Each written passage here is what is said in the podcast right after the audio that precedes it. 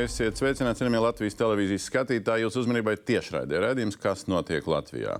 560. diena, rīt kopš Krievija iebruka pērnu Ukrainā. Latvijā turpinās valdības veidošana, kas gan ļoti tiešā veidā ir saistīta ar karu un ap to notiekošo, gan mazāk saistīta. Šī, var, šī vakara redzējums ir nu, it kā ne par valdības taisīšanu, bet no otras puses ļoti, ļoti saistībā ar to un saistībā ar valdības potenciāliem uh, darbiem.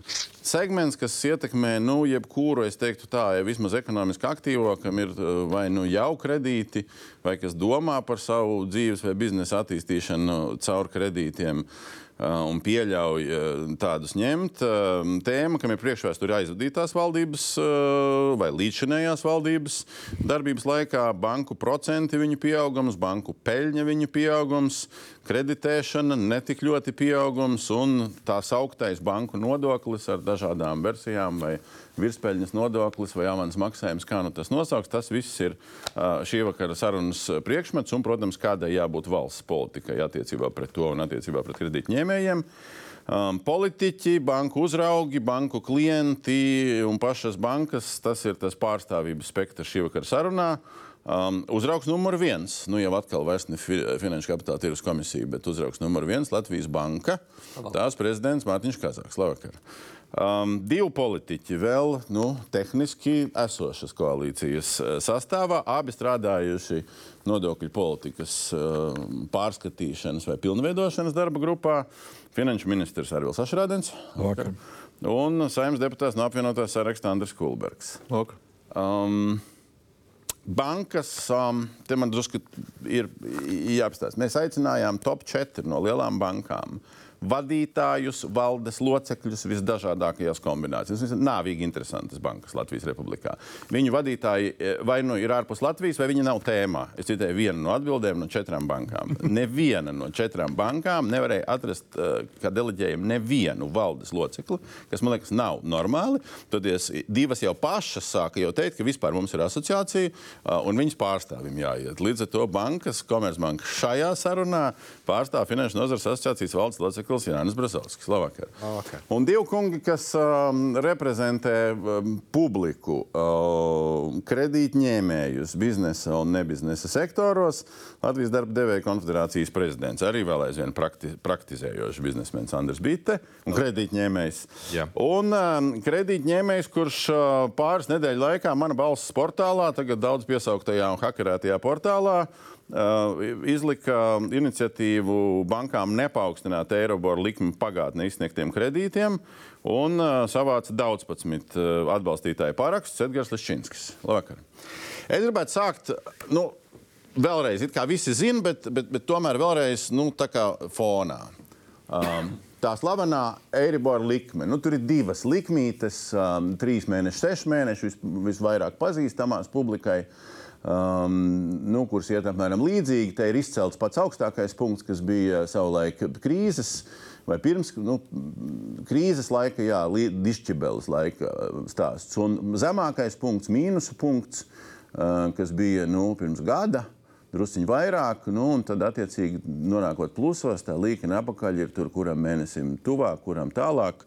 Gada eriboram jau pāri 4%. Nu, un, tās līknes tendences pagaidām, protams, nerāda, ka viņi kritīsies. Un tad ir um, otra bilde, ko mēs uh, uztaisījām saistībā ar pieminētajām um, četrām top bankām. Nu, bankas, kas absolūti dominējoši Latvijas tirgu vai ārvalstu filiāls, uh, kas dominējoši ir, tad, tad pirmā pusgada peļņas. Summārās peļņas ir uh, drusku vairāk kā trešdaļa miljards. Kazahstāns neļaus samelot 335,1 uh, miljoni. Uh, Te ir salīdzinājums pagājušā gada pirmais pusgads pret šī gada pirmo pusgadu. Uh, ja banku sektors kopumā uh, ir nopelnījis vairāk 2,6, nu, tas koeficients ir 2,6 reizes vairāk. Svetbanka apmēram tāpat. Luminoram šeit ir skaitļi Latvijā, Lietuvā apvienoti nu, mazāk, bet nu, būtībā arī līdzīgi. Seibankai tas uh, peļņas pieaugums nebūtu tik liels. Nu, Citadela savukārt savus peļņas rādītājus ir četrkāršojusi. Es vispirms, pirms mēs metamies iekšā, ko darīt. Vispirms saprast, kā mēs katrs redzam to problēmu, kurā pusē, cik lielu. Vai kurā pusē ir lietu normālība? Un Kazakungs nu, īsā versijā iesākot. Ja? Ka, kur ir problēma? Nu, no vienas puses ir tirgus, likmes staigā, cilvēki līgumus noslēguši, ja? paši parakstījušies. Tā. Nu, un tad ir kaut kāda citas puses. Kur jūs redzat, kas ir problēma, kas nav problēma? Šajā brīdī galvenā problēma jau gadu ir tiešām ļoti augsta inflācija. Tas arī tas galvenais iemesls, kāpēc likums tiek celts, jo inflācija sāp vienkārši visiem. Un, jo īpaši tiem, kas ir mazāk turīgi. Līdz ar to inflācijas samazināšana ir galvenais uzdevums, lai mēs varam atgriezties arī ekonomikas izaugsmas tādā normālā situācijā. Jo ar augstu inflāciju. Galvenā problēma mazāk turīgiem. Nē, tas sāp vairāk mazāk turīgajiem, bet sāp pēc būtības visiem. Ja? Līdz ar to inflācijas samazināšana. Tā labā ziņa ir tāda, ka inflācija sāk jau samazināties. Un līdz ar to, es, nu, protams, redzēsim, kādi dati ienāks. Bet visticamāk, kā ar likmēm. Eiribors nesamazinās. Eiribors nesamazinās. Jā, bet inflācija pamazām nāk lejā. Līdz ar to tas augstākais punkts likmēm visticamāk jau ir diezgan tuvu. Un savukārt nu, mēs nezinām, kāda būs. Jā, mēs nezinām, kas notiks ar inflāciju. Bet šeit tas galvenais jautājums, protams, ir tāds, ka uh, inflācija nāk jau lejā, līdz ar to problēma pārējoša. Likums gan vēl mazliet turēsies ilgāk, augstāk, lai nodrošinātos pret to, ka inflācija atgriežas. Un šīs sāpes ir atkal. Lai nebūtu tas, kas notika 80. gada sākumā, ka pēc tam likmes ir jāceļ vēl augstāk. Pieprecizējam, pieprecizējam no Latvijas bankas funkciju viedokļa, uzraudzības viedokļa. Mm likuma 48. pants saka, ka uzraudzība un regulēšana banku tiek veikta sabiedrības interesēs. Mm. Lai veicinātu ieguldītāju, noguldītāju un apdrošināto personu interesu aizsardzību. Tur nav teikts, ka kredītņēmēju intereses Latvijas banka aizstāv. Nu, nav. Visas sabiedrības intereses. Bet, galvenais, bet tas vienkārši nav ierakstīts. Ja? Nē, nē, tas ir likuma sākumā, jā, kur ir uh, galvenais uzdevums ir Latvijas bankai ir cenu stabilitāte. Cenu stabilitāte nevis nodrošināt kredītņēmēju intereses. Stabilitāte tiek mērīta kā 2% inflācija Eirozonā kopumā. Līdz ar to kredītprocents vienalga kāds. Tāpēc tas likums tiek pacelts, lai inflācija norautu lejā. Ja? Tas ir galvenais. Tas ir skats no bankas uzrauga. Tagad dzīvā realitāte. Dzīvā realitāte. Divi cilvēki speciāli aicināti. dzīvā realitāte. Kas ir kur problēmas iepratīm šim skatam? Problēma, manuprāt, kas nav. Problēma nav, cik bankas nopelna pēc būtības. Problēma ir tā, ka uh, kreditēšanas vide un vispār vide banku sektorā strādā, darboties uh, kā klientam, kā kredītņēmējam, uh, ne tikai kā kredītam, arī kā klientam ar kontu apkalpošanu un tam līdzīgām ir neveselīga. Mm. Konkurences nav. Jo jā, jāpiemina, skatoties arī šos peļņas rādītājus un to banku sarakstu, jāpiemina, droši vien, es varbūt maldīšos kaut kādos ciparos, bet apmēram 85% no Latvijas banku sektora sastāv divas vai trīs bankas. Nu, šīs četras sastāv. Nu, tur, tur, jā, ņemot vērā, ka viena ir filiāla. Šajā grupā kuriem e, būtībā jebkuram no kredītņēmējiem plus mīnus ir uh, jāsaskarās ar šo uh, grupu, uh, vide nav pievilcīga, lai viņā strādātu. Attīstītos, kas vitāli mums, kā tautsēmniecībai. Vide, ne Eiribors, ne peļņa, bet vide. Nē, nu, vide, tas es, es paņemu visu. Ne, nevis tā, tā, klients nav vēlams mūsu bankās šodien. Jauns klients. Kā viņi varētu nopelnīt? Uh, jauns klients nav vēlams. Na, jauns klients nav vēlams. Banka, bankas nenotiek konkurence, lai pār, pārvilinātu klientus savā starpā. Un, attiecīgi, uh, mums ņemot vērā to, ka lielākā daļa no Latvijas ekonomikas, es runāju šeit no kredītņēmēju vi, uh, viedokļa, kas ir ražotāji, eksportētāji, tādi, kam ir nepieciešami lieli resursi, varbūt ne no maisaimniecību viedokļa. Tad, uh, pie, būs, pie fakta, ka mums pašiem ir diezgan uh, mazs kapitāls, nacionālais kapitāls. Mums ir vitāli nepieciešama kredīta resursi, lai attīstītos, iet eksporta tirgos tam līdzīgi. Un tur ir liels problēmas jau sen. Vēl viens skats no kredītņēmējiem. Man ir savs skats. Uh, diemžēl mūsu skatītāji, viņi banku sektorā neko praktiski nesaprot. Tāpēc es varbūt sākšu ar anekdoti, kuru jūs sapratīsiet. Man ir brālis, Divus gadus atpakaļ viņš nopirka auto. Uz nomaksu nav svarīgi. Vienkārši parasta situācija. Bet šodien pie viņa atnāk pārdevējs un saka, tu par auto maksās divreiz vairāk. Viņš prasa, kāpēc? Tāpēc, ka toreiz metāls maksāja tik, šodien viņš maksā divreiz dārgāk. Tā ir absurda situācija. Jūs domājat, ka vairākums tā uztver šo realitāti? Tieši tā arī uztver. Labi, bet ja jūs bijat sev augstāk paceļat, nauda ir prece. Toreiz viņi maksāja tik, kāpēc tagad viņi maksā man dārgāk? Tad, kopējais novērtējums, nu, tāda netaisnīguma sajūta. Nosauksim to tā. Pilnīgi. Pieliekam vēl, vēl to esošo temperatūru. Iepratīm tam, kas skan. Banka saka, ka, nu, palasot jūsu asociācijas priekšnieces tās publikācijas, nu, viss normāli. Maksā, kavējumi nepalielinās, nav ko nodokļus uzlikt, nu, nav ko anekdotas stāstīt. Viss normāli. Vai nav normāli? Kas? Man, man šķiet, tā, uh, es tomēr gribētu pievienoties arī Kazakam. Tā viena lieta ir tāda, ka, uh, lai kā mēs uh, te tomēr runātu, bet es domāju, ka kopumā mēs visi kopā uh, šajā valstī esam uh, radījuši uh, labu un funkcionējošu finanšu sektoru, tā skaitā arī bankas. Reku jums tikko pateicu.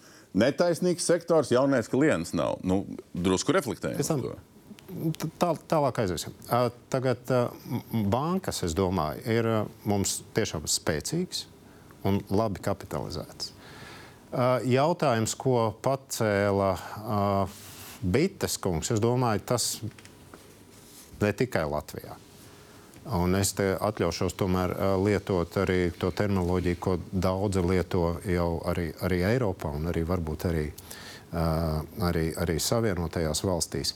Proti, pēdējā desmitgadē bankas, diemžēl, man tiešām jāsaka, man personīgi ļoti diemžēl, ir pārvērtušās, kā te teica, par, kā ir dzirdēts, par, par tādām tā kā mēs, tā kā atbilstības filiālēm un atbilstības fabrikām. Un tur, protams, nobīdās tradicionālajās bankās tas fokus no klienta vairāk uz to, kā es izpildu regulācijas, kā es ar viņām tieku galā. Un tad tur nāk iekšā fintech un jaunie glābēji. un tiem mēs visam Sā, sākotnējo diagnozi uzstādot, šādas pe peļņas pieaugumi nav problēma. Uh, Eiribora leciens no, no mīnusiem gadu laikā līdz 4, nu, drusku vairāk kā gadu laikā nav problēma. Ko nozīmē? M, Formulēsim, kas ir problēma. Kas jums ir problēma? Nu, tā ir objektīvā realitāte. Kas bankām ir problēma? Tā ir bankām nav problēma. realitāte. Ne, nu, jautājums ir par banku arī nu, kaut kādu skatu uz valsts ekonomiku. Protams, tāds ir. neapšaubām. Neapšaubām, ka Neapšaubām, tā ir problēma. Neapšaubām tas ir uzdevums, kas ir jārisina. Pa ko jūs smieties? Nu, tā ir, ir problēma pēc būtības. Nu, Cik lielā mērā šīs vai citas problēmas tai darba grupā, nu, tad iespējams, ka viedokļi dalīsies, kā tas ir darīts, ir nonākušas līdz tam, ka tagad iznāk ārā finanšu ministrs un saka, ka mums būs uh, nu, pat ne nodoklis, uzņēmumu ienākumu nodokļu avansa maksājumi 20% apmērā, un mēs caur to gada griezumā paņemsim no bankām apakaļ budžetā 140 miljoni. Mēs šito pārceļam uz gada griezumu un banku peļņa nepalielinās, tad tas ir nu, rēķināts pret 700 miljoniem, ko bankas tā. Ko ņemot vērā no šī, kas te skan? Labi, eh, mums ir šobrīd uh, drusku pa fonu, un tad ir mums kopā ir sanākušas divas problēmas. Tā viena ir, ir, ir ārkārtīgi interesants izveidojis banku modelis, kas ir ļoti izveidojis kā ļoti efektīvs pēdējos teiksim, desmit gadu laikā, varbūt arī pat ilgāk, kurš ir patiesībā labi pelnošs, relatīvi maz kreditējot tirgu. Ja mēs skatāmies, tas tiek tirgus, tie objektīvi rādītāji, tas kreditēšanas līmenis ir apmēram 29%, zem 30%. Ja mēs salīdzinām pret Igauniju, tie ir 50%, un ja mēs skatāmies vidēji Eiropā, laikam 60% kaut kas tā būtu. Ja? Kā tas ir pusi mazāk nekā vidēji Eiropā. Labi, labi, labi. Tā ir, viena, tā ir viena lieta, kas ir pamatā, un mēs esam nonākuši vienā interesantā situācijā, ka bankas ļoti selektīvi izvēlās, ko vispār kreditēt. Un es, piemēram, biju, šonadēļ biju Līvānos, kur ir, piedod, Līvānu stikla uzņēmums, kur nav alga, vispār mazākā alga ir divreiz lielāka nekā vidēji valstī. Viņi saka, nu, te puiši gribētu būvēt mājas, un tas ir liels high-tech uzņēmums ar 60% pievienoto vērtību. Viņi saka, ne, mums nedod, jo ar Līvāniem vispār neviens nerunā. Labi, tie visi ir interesanti. Tā ir viena lieta. Otra lieta. Ministrs saka, Piedod. iznāk ārā un saka, ka mēs uzliksim šos te 20%. Jā, es atbildēšu. Jā, tā kurām problēmām otrā ir? lieta ir, otrā lieta ir uh, kas ir ļoti svarīga. Eiropas centrālā banka cīnās ar inflāciju, kas ir reāli toksiska. Ja? Apsties trīs lielas daļas. Uh, uzkrājumi, kas ir, ir kaut kādi 13 miljā- miljardi, kas ir maisaimniecībām, kas noguldīti bankās. Uh, tad ir darba algas, uh, un tad ir arī fiksēti ienākumi, kas ir pensijas, vispārējais. Te visi zaudējuši pirktspēju divus gadus, vienu gadu 17% inflācija, šogad 10%. Un jūs atnākat ar UN avansa maksājumu. Un Eiropas centrālā banka ar šo, kas ir ļoti svarīga lieta, kas mēģina šo inflāciju bremzēt, ceļot procentu maksājumus.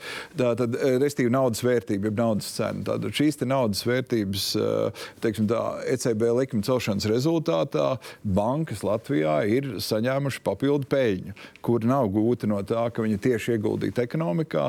Bankām ir daudz izdevīgāk noguldīt centrālajā bankā naudu un no tā gūt peļņu.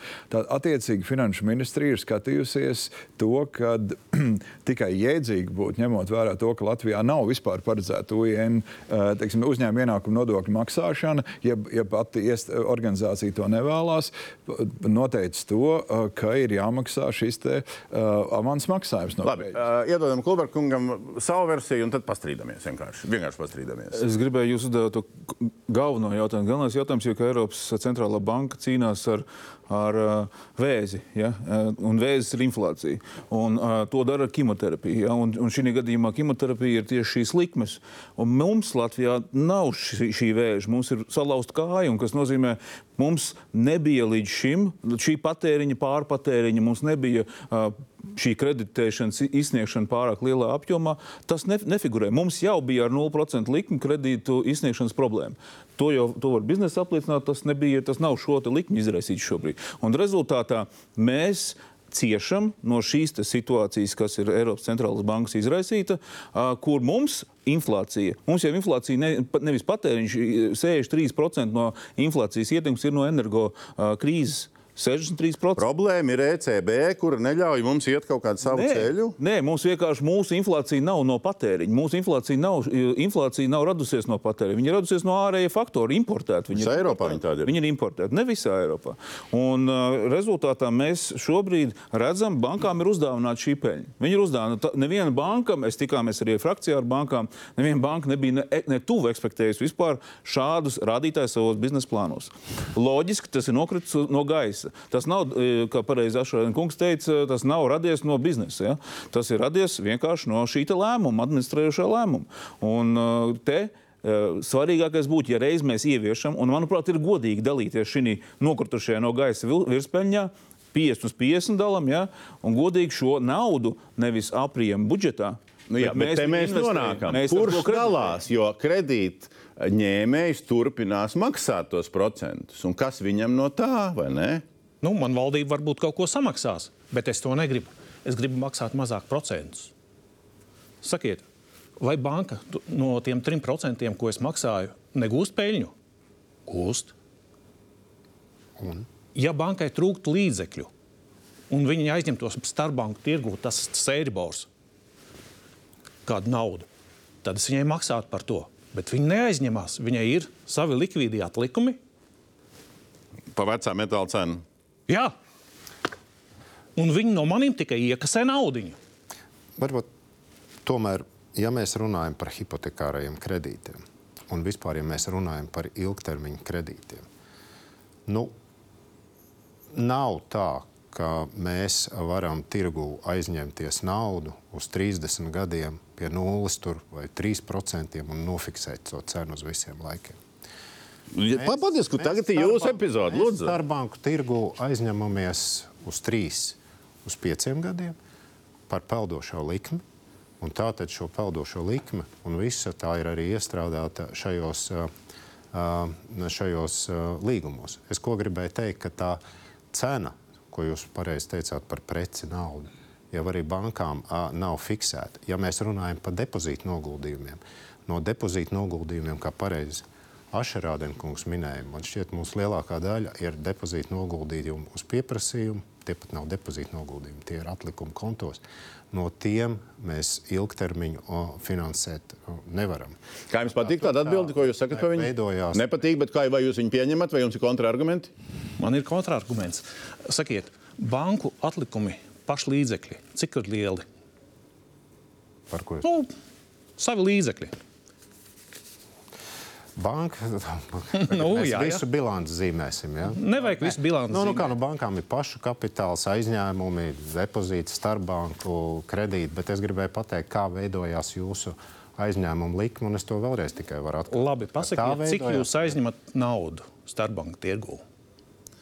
Nu, pagaidiet, viss, ko pama- pamatā, kas viss ir iedots aiz, aizņēmumos, mums te cik tur uh, miljardos, uh, pamatā tā visa faktiski nāk no starpbanku tirgus. Bet, bet šodien paliekam pie šī momenta, jo tas paradoks ir, ka tas, ko jūs sakat, kā jaunās vienotības finanšu ministrs, un tas, ko pateica pirms mēneša jaunās vienotības uh, finanšu budžeta komisijas vadītājs, ir kaut kādas divas paralēlas realitātes. Un viņš pateica, nu, viens no citātiem, ko mēs izvēlkām, tad viņš pateica būtībā tas, ko saka Lišņins kungs, ka Eiribor uh, nu, nepamatot tiek piemērots. Pilnīgi. Un uh, piemērošana kredītiem, tad, tad tas ir vēsturiski. Nu, viņš, būtībā jūs runājat gandrīz vienu un to pašu. Ja? Ka piemērošana hipotekāram kredītam nepamatot, jo vispār tas ir viss cita nauda par citu cenu. Izstāstiet, kas tas tagad ir? Jums ir tā kā jaunā vienotībā divas politikas šajā jautājumā. Um. Mēģināsim atkal tik skaidrību attiecībā uz Eiriboru. Tā ir vēsturiska metode, kurā klientam tiek piedāvātas divas iespējas. Tātad noslēgt līgumu par fiksētu likmi, kurā saka, tā tad ir ar fiksētu. Ir, es nezinu, Jā, mums dominējoši visi, vi- visi ir Eiriboros. Nē, nu, pagaid, tātad jūs varat, atvainojos, jūs varat izvēlēties, un bieži vien fiksētā likme ir Ir daudz augstāka ir daudz augstāka, un tā ir fiksēta termiņā. Reāls Tu vari rēķināties ar tādu. Ļoti daudz klientu tajā brīdī, kad Eiribors ir, kas ir naudas cenas vērtība, tajā brīdī izvēlās, ja viņi ir mazāki, saka, labi, es iešu līdzi. Tieši tāpat kā elektrībā ir viena, kas izvēlās. Fiksētu jautājums ir par jūsu partijas biedru uz komisijas vadītāju saimā. Ko viņš Jums pateica? Jāuzdod jautājums partijas biedram. Jūs nesapratāt? Es esmu finanšu ministrs, es mēģinu atbildēt uh, to, ko es varu Jūs atbildēt. piekrītat tam vai jūs nepiekrītat tam? Es, es, varu pie, es varu piekrist tikai tam, ka ir jurdi, fiziski vai ab, abas brīvas, vien, abas fizi, personas ir izvēlējušies šādu līgumu, kurā ir noslēguši šādiem noteikumiem vienošanos. Un Eirobors nav ne Latvijas likme, nekas savādāk. Tā ir Eiropas uh, banku telpā fiksēts jēdziens, kas ir Eirob, Eirobors svārstās līdz naudas cenai, kāda ir Eiropas fiskālā. Gribu pastrīdēties, jā. Nē, te ir jautājums par to, kad, kad eh, ja mēs runājam par tieši šo brīdi, kad ir gan uzkāpuši Eirobora likmes strauji, un, un tiešām ļoti daudziem kredītņēmējiem ir problēmas ar pieaugušiem maksājumiem un pamatā maisaimniecības sadaļā, tad uh, Ja vēl var strīdēties, tiešām nezinu, kā ir pareizi, vai drīz piemērot tās likmes, vai nedrīkst piemērot. uh, uh, Bet bankai ir brīvas tiesības uh, rīkoties ar savu pievienoto likmi. Šī gadījumā. Un, ja viņiem ir iespēja pelnīt no naudas izvietošanas ECB, ja es pareizi izsakos, tad, tad gan nu, sociāli taisnīgi vai godīgi, vai, vai nākot pretī tai situācijai, būtu uh, spēja samazināt pievienoto likmi, kuras vienmēr bija augstākas nekā teiksim, blakus valstīs vai, vai konkurentiem. Vismaz sajūta līmenī vai, vai sarunu ar jūsu kolēģiem līmenī, jūs sakat, ka bankas netaisnīgi tur šīs pievienotās likmes un pienācīgi Netaisnīgi, tas droši vien ir tāds eh, skaļš vārds. Viņas izmanto situāciju, cik maksimāli var, lai maksimizētu peļņu. Savu uh, ir? akcionāru in Jā, interesēs viņi strādā. Tas, tas ir tas, ko Latvijas Banka jau ilgu laiku saka, un tas ir tas, ko mēs ar finanšu ministru gada sākumā arī no bankām nu, konkrēti paprasījām. Pirmkārt, tur nav tikai kredītņēmēji, tur arī ir noguldītāji. Jā, mēs redzam, ka kredīta likmes ir pārcenotas ļoti ātri. Savukārt, depozīta likmes nē. Līdz ar to mēs uzstādījām konkrētas prasības bankām. Lūdzu, depozīta likmes uz augšu. Jā. Pie šādas peļņas jā, jūs varat atļauties samazināt Bet ko- Tas neko komisiju. nemaina esošam kredītņēmējam. paliek- bet depozīta tas, ir- mums jāsaprot, ka, protams, Latvijā kredītņēmēji mājsaimniecības ir tikai 15% ar hipotekāriem kredītiem. Mums ir arī liela daļa sabiedrības, kam ir depozīti. Bet hipotekāru kredītu ņēmēju skaits Jā, jā. ir ļoti ievērojams. Jā, jā, bet depozītu turētāju skaits ir vēl lielāks. Līdz ar to mums no Latvijas bankas puses, protams, interesē visas Latvijas sabiedrības intereses, un mēs skatāmies uz visu. Līdz ar to tie, kas ir uzkrājēji, ja, tiem bankas šajā situācijā noteikti varētu maksāt depozītos vairāk. Pavasarī Tiem, kas ir kredītņēmēji, jūs nevarat viņiem pavēlēt. Nevaram, bet bankas pašas to brīvprātīgi var darīt, un tas ar bankām ir vairāk kārt pārunāts. Ja? un Līdz ar to bankas to var atļauties. Šeit es Bits kungam absolūti piekrītu. Latvijas finanšu sektora problēma ir nepietiekoša konkurence. Ja. Tas Nu, ir- paņemam no prakses. Jā. Jūs, es, jūs esat karavēlā kredītņēmējs. Jums ir Eiribors un bankas pievienotā likme. Cik liela pievienotā likme? Nu, no 2,8 dažādiem kredītiem dažādi līdz 3,8. Pēdējā gada laikā gājāt? Samaziniet, pievienot to mēs likmi. esam runājuši par to. Es teikšu tā, ka šobrīd, un tāpēc es vienmēr gribu akcentēt, ka ir jāsadala tomēr uh, divas vai trīs lielās bankas vai četras, ja, kuras jūtās komfortabli un īsti neko uh, negrib mainīt, un mazās bankas, kas ir uh, vairāk vietējā kapitāla ar mazām bankām. Tieši vakar saņēmām pirmo risinājumu, nedaudz, bet pa procentu. Sanāca Procentu no samazināt. 3,5 uz 2,5. Jā, no 3,5 uz 2,5. Jā. Jums ir svaigi pieredze ir- no 2,5 uz 2,5. 0,5. Bet mēs runājam par 2,05. Bet Tas mēs bija runājam par 22. pievienojumu. Bet nu, pirmais kaut kāds solis tajā virzienā ir. bet tas ir, eh, Un tāpēc es gribēju vēlreiz akcentēt, ka ir jāsadala tomēr šīs dažādas attieksmes, jo arī kreditēšanā attieksmju un interese kreditēt, uzņemties risku lielo banku eh, nu, sadaļā un mazo banku ir dažādi. Tikai problēma, ka mazās bankas Latvijā šobrīd ir pārāk mazas, lai paņemtu tādus objektus pilnībā, pieņemsim, kaut vai kā manu uzņēmumu. Ja? Un tā kā viņu stiprināt, vai, vai kurš tos ir. Bet es teikšu tā, ka lielajā sadaļā tomēr ir pašapmierināta tāda sit, mierīga situācija, kurā nauda nāk un nekāda konkurence īpaši nav. Es gribēju drīz piebilst, uh, mazās bankas pilnīgi pareizi pateica. Mazās bankas ir maksimizējušas savu iespējas vispār kreditēt. Tur, tur vienkārši nav vairs resursu. Viņi uh, vairāk kreditē. Savukārt lielās bankās ir nu, ķirsīši no kūks noēduši un, un ir gana labi administrēt kontus šobrīd, jo mēs redzam pēc peļņas, darot to, kā darīja. Nepietiekami kreditējot, atpelnās. Tas, tas, tas rāda šobrīd uh, to, ka bankas jūtas ļoti komfortabli. Brazovs kungs. Atcitoties pa visām bankām šai brīdī. Lielām, mazām. Jā. Uh, nu tā, tā. Nu jūs esat, diemžēl, tādā stāvoklī. Bet mēs paturpināsim šo tēmu. Tās bankas to uzaicinājumu dabūs atkārtot. Uh, vai jums ir jebkādi dati? Iepratīm cilvēkam, kam ir no 2,5 uz 2,05, cilvēkam, kam ir no 3,5 uz 2,5. Plusbora. Bet, jā, pievienotā likme tikai. Tātad Jā. sumāri ir tūlīt būs, jau ir Seši, pārpa sept- 6, 6, 7. Jā. Vai jums ir jebkādi dati, ka bankas masveidā A vienalga saglabā solīdu pievienoto likmi?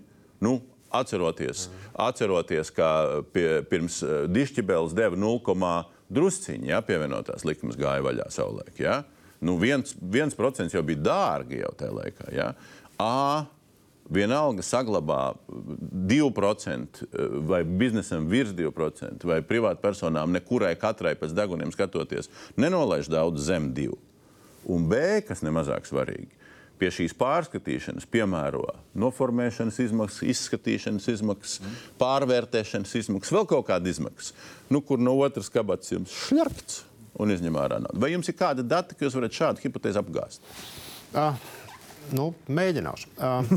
Tagad, pirmkārt, man šķiet, paldies, ka jūs to, ka, ka, ka jūs gan teicāt, ka es pa visiem atš- atšaudīšos. Es tikai gribu pateikt, ka, ka nu, nu, es nevaru piekrist šādam dalījumam mazās, lielās, kāds tur komfortablāk. Kāds Nu, bet šīs četras ir pēc aktīviem kredītiem, noguldījumiem ar atrāvienu. Bet, bet, bet visiem, visiem tomēr. Uh, Varbūt nepiekritīsiet, bet mums visiem ir, ir, ir, ir svarīgi klienti. Nekā cita jau izņemot savu klientu mums nav. Tagad svarīgi runājot- peļņa komercsabiedrībai. Protams, bet uh, man ir. Man jau citas greznības, kā sadarbībā ar klientiem, pelnīt nav.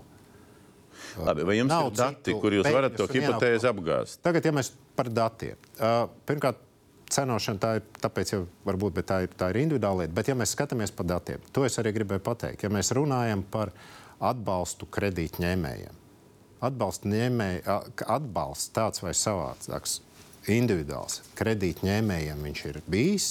Ir un būs, un ir arī tagad. Dati, ja jūs paskatāties, būtiski? Tagad vēlreiz. Tātad, ja mēs paskatāmies kaut vai par hipotekārajiem aizņēmējiem, ja agrāk mēs tajās pašās, kā jūs viņus saucat, par lielajām bankām, es teiktu, varbūt mūsu sistēmai nozīmīgajām bankām, mēs saņēmām nedaudz pieteikumus pārskatīt. Tagad ir tā vidēji mēnesī ā, 40 pieteikumu. Kas ir labi? Kas ir maz? Kas, Kas ir smieklīgi Jā, maz? bet tas ir cilvēkiem, kuriem ir tiešām maksā. Tas nozīmē, ja šie neprasa, neko nepārskatīsim. Man liekas, jā. Savādāk. Ja mēs redzam, ka ir maksātspējas problēmas, tad mēs pārskatām. A, citādāk, Bet ne. šeit ir, jā, bet šitiem, man liekas, ir viens svarīgs. Ir, uh, es lūkšu bankas vadītāju palīgā. Restīvi ir, um, ja kredīta kopējais maksājums šāda augot procentu likmēm pārsniedz 40% no mājasemniecības ienākuma, iestājās tā teikt. Nē, nu, tad jau ir sarkanā trūcība, nabadzība un Nē, bēdas. Nē, nē, nē, nē, bet viņš ir un tā grupa aug ļoti strauji. Cik šobrīd ir? Tagad, uh, Ja mēs skatāmies mājasēmniecībām, nebūtu labi, ja uh, ikdienas patēriņiem paliek mazāk nekā 40% no. pre, jā, jā, šādā Jā. jā. Un tad vēl pieliekam enerģijas cenas uz tur ziemu. ir nu, tas ir tas- viss nē, nē, nē, bet tas jau jā, ir kritērijs kredīta, pusē jā. jā. Banku pusē. Līdz ar to tas ir vērtēts, jau tie riski ir. Bet Jā. šeit ir divas Un- lietas. un- Pirmā ir situācija normālā brīdī, ja? un tur, kā Bits kungs teica, un man var Latvijas banka par to runā gadiem, vienkārši tajā brīdī, kad likuma līmenis bija ļoti zems, tas nebija tik jūtams. Ja? Uh, bet konkurencei Latvijā būtu banku starpā jābūt lielākai, asākai un viens no Mārtiņ, jūs aiziet bet- paliekam konkrēti. Šis ir svarīgi. Es piekrītu, ka šis ir svarīgi. Šis ir sarkanais karodziņš. Jā, pie, pre, paldies, precizēji tagad, jā, eh, par šo tie 60%. Jā. Tagad tas jautājums ir, kāda tiešām ir banku reakcija uz šo, jo viņš ir skaidrs, jo viņš ir tādā valdības radarā tagad, ko darīt ar šiem te kredītņēmējiem. Jo te jau iestājas cits mehānisms, kurā mēs sakam, no pārējiem nodokļu maksātāju naudas mums jāstāsta, kā palīdzēt tiem cilvēkiem. Bet man būtu pirmais jautājums, kā banka šo jautājumu risina. Jā, Tas gan būtu ļoti svarīgi. Tagad, tā būtu diezgan svarīgi publiski dzirdēt, kas ir tas risinājums šajā grupā. Ja viņš tā ir grupa ir strauji augoša. Cik ir tagad būtu procenti no ir? Pašreizajā brīdī tiešām tie esošie dati ir, ir ļoti veselīgi. Ja, kā Jā, bet- bet cik rezultāti- At, tas ir maksāšanas Jā, dati. šajā Jā, bet- brīdī, bet, protams, Bet cik liela jā, tā grupa, kas ir iegājusi šajā te sektorā? To bankas izstāstīs katrs savā pusē, bet pirmā problēma, protams, līdz ko rodas, es nu dienu mudinu, ejiet, prasiet bankai. Ja? Es zinu, Mārtiņ, bet mums Ejiet, svarīgi, kā bankai. tieši šo grupu, ļoti svarīgi, kā šo grupu bankas risina. Bet, kā, jūs, kā jūs teicāt, sāk, sāksim varbūt ar fonu. Ā, Ja mēs paskatāmies ā, par hipotekārajiem aizņēmējiem, par, mēs laikam tagad par viņiem runājam. Jā.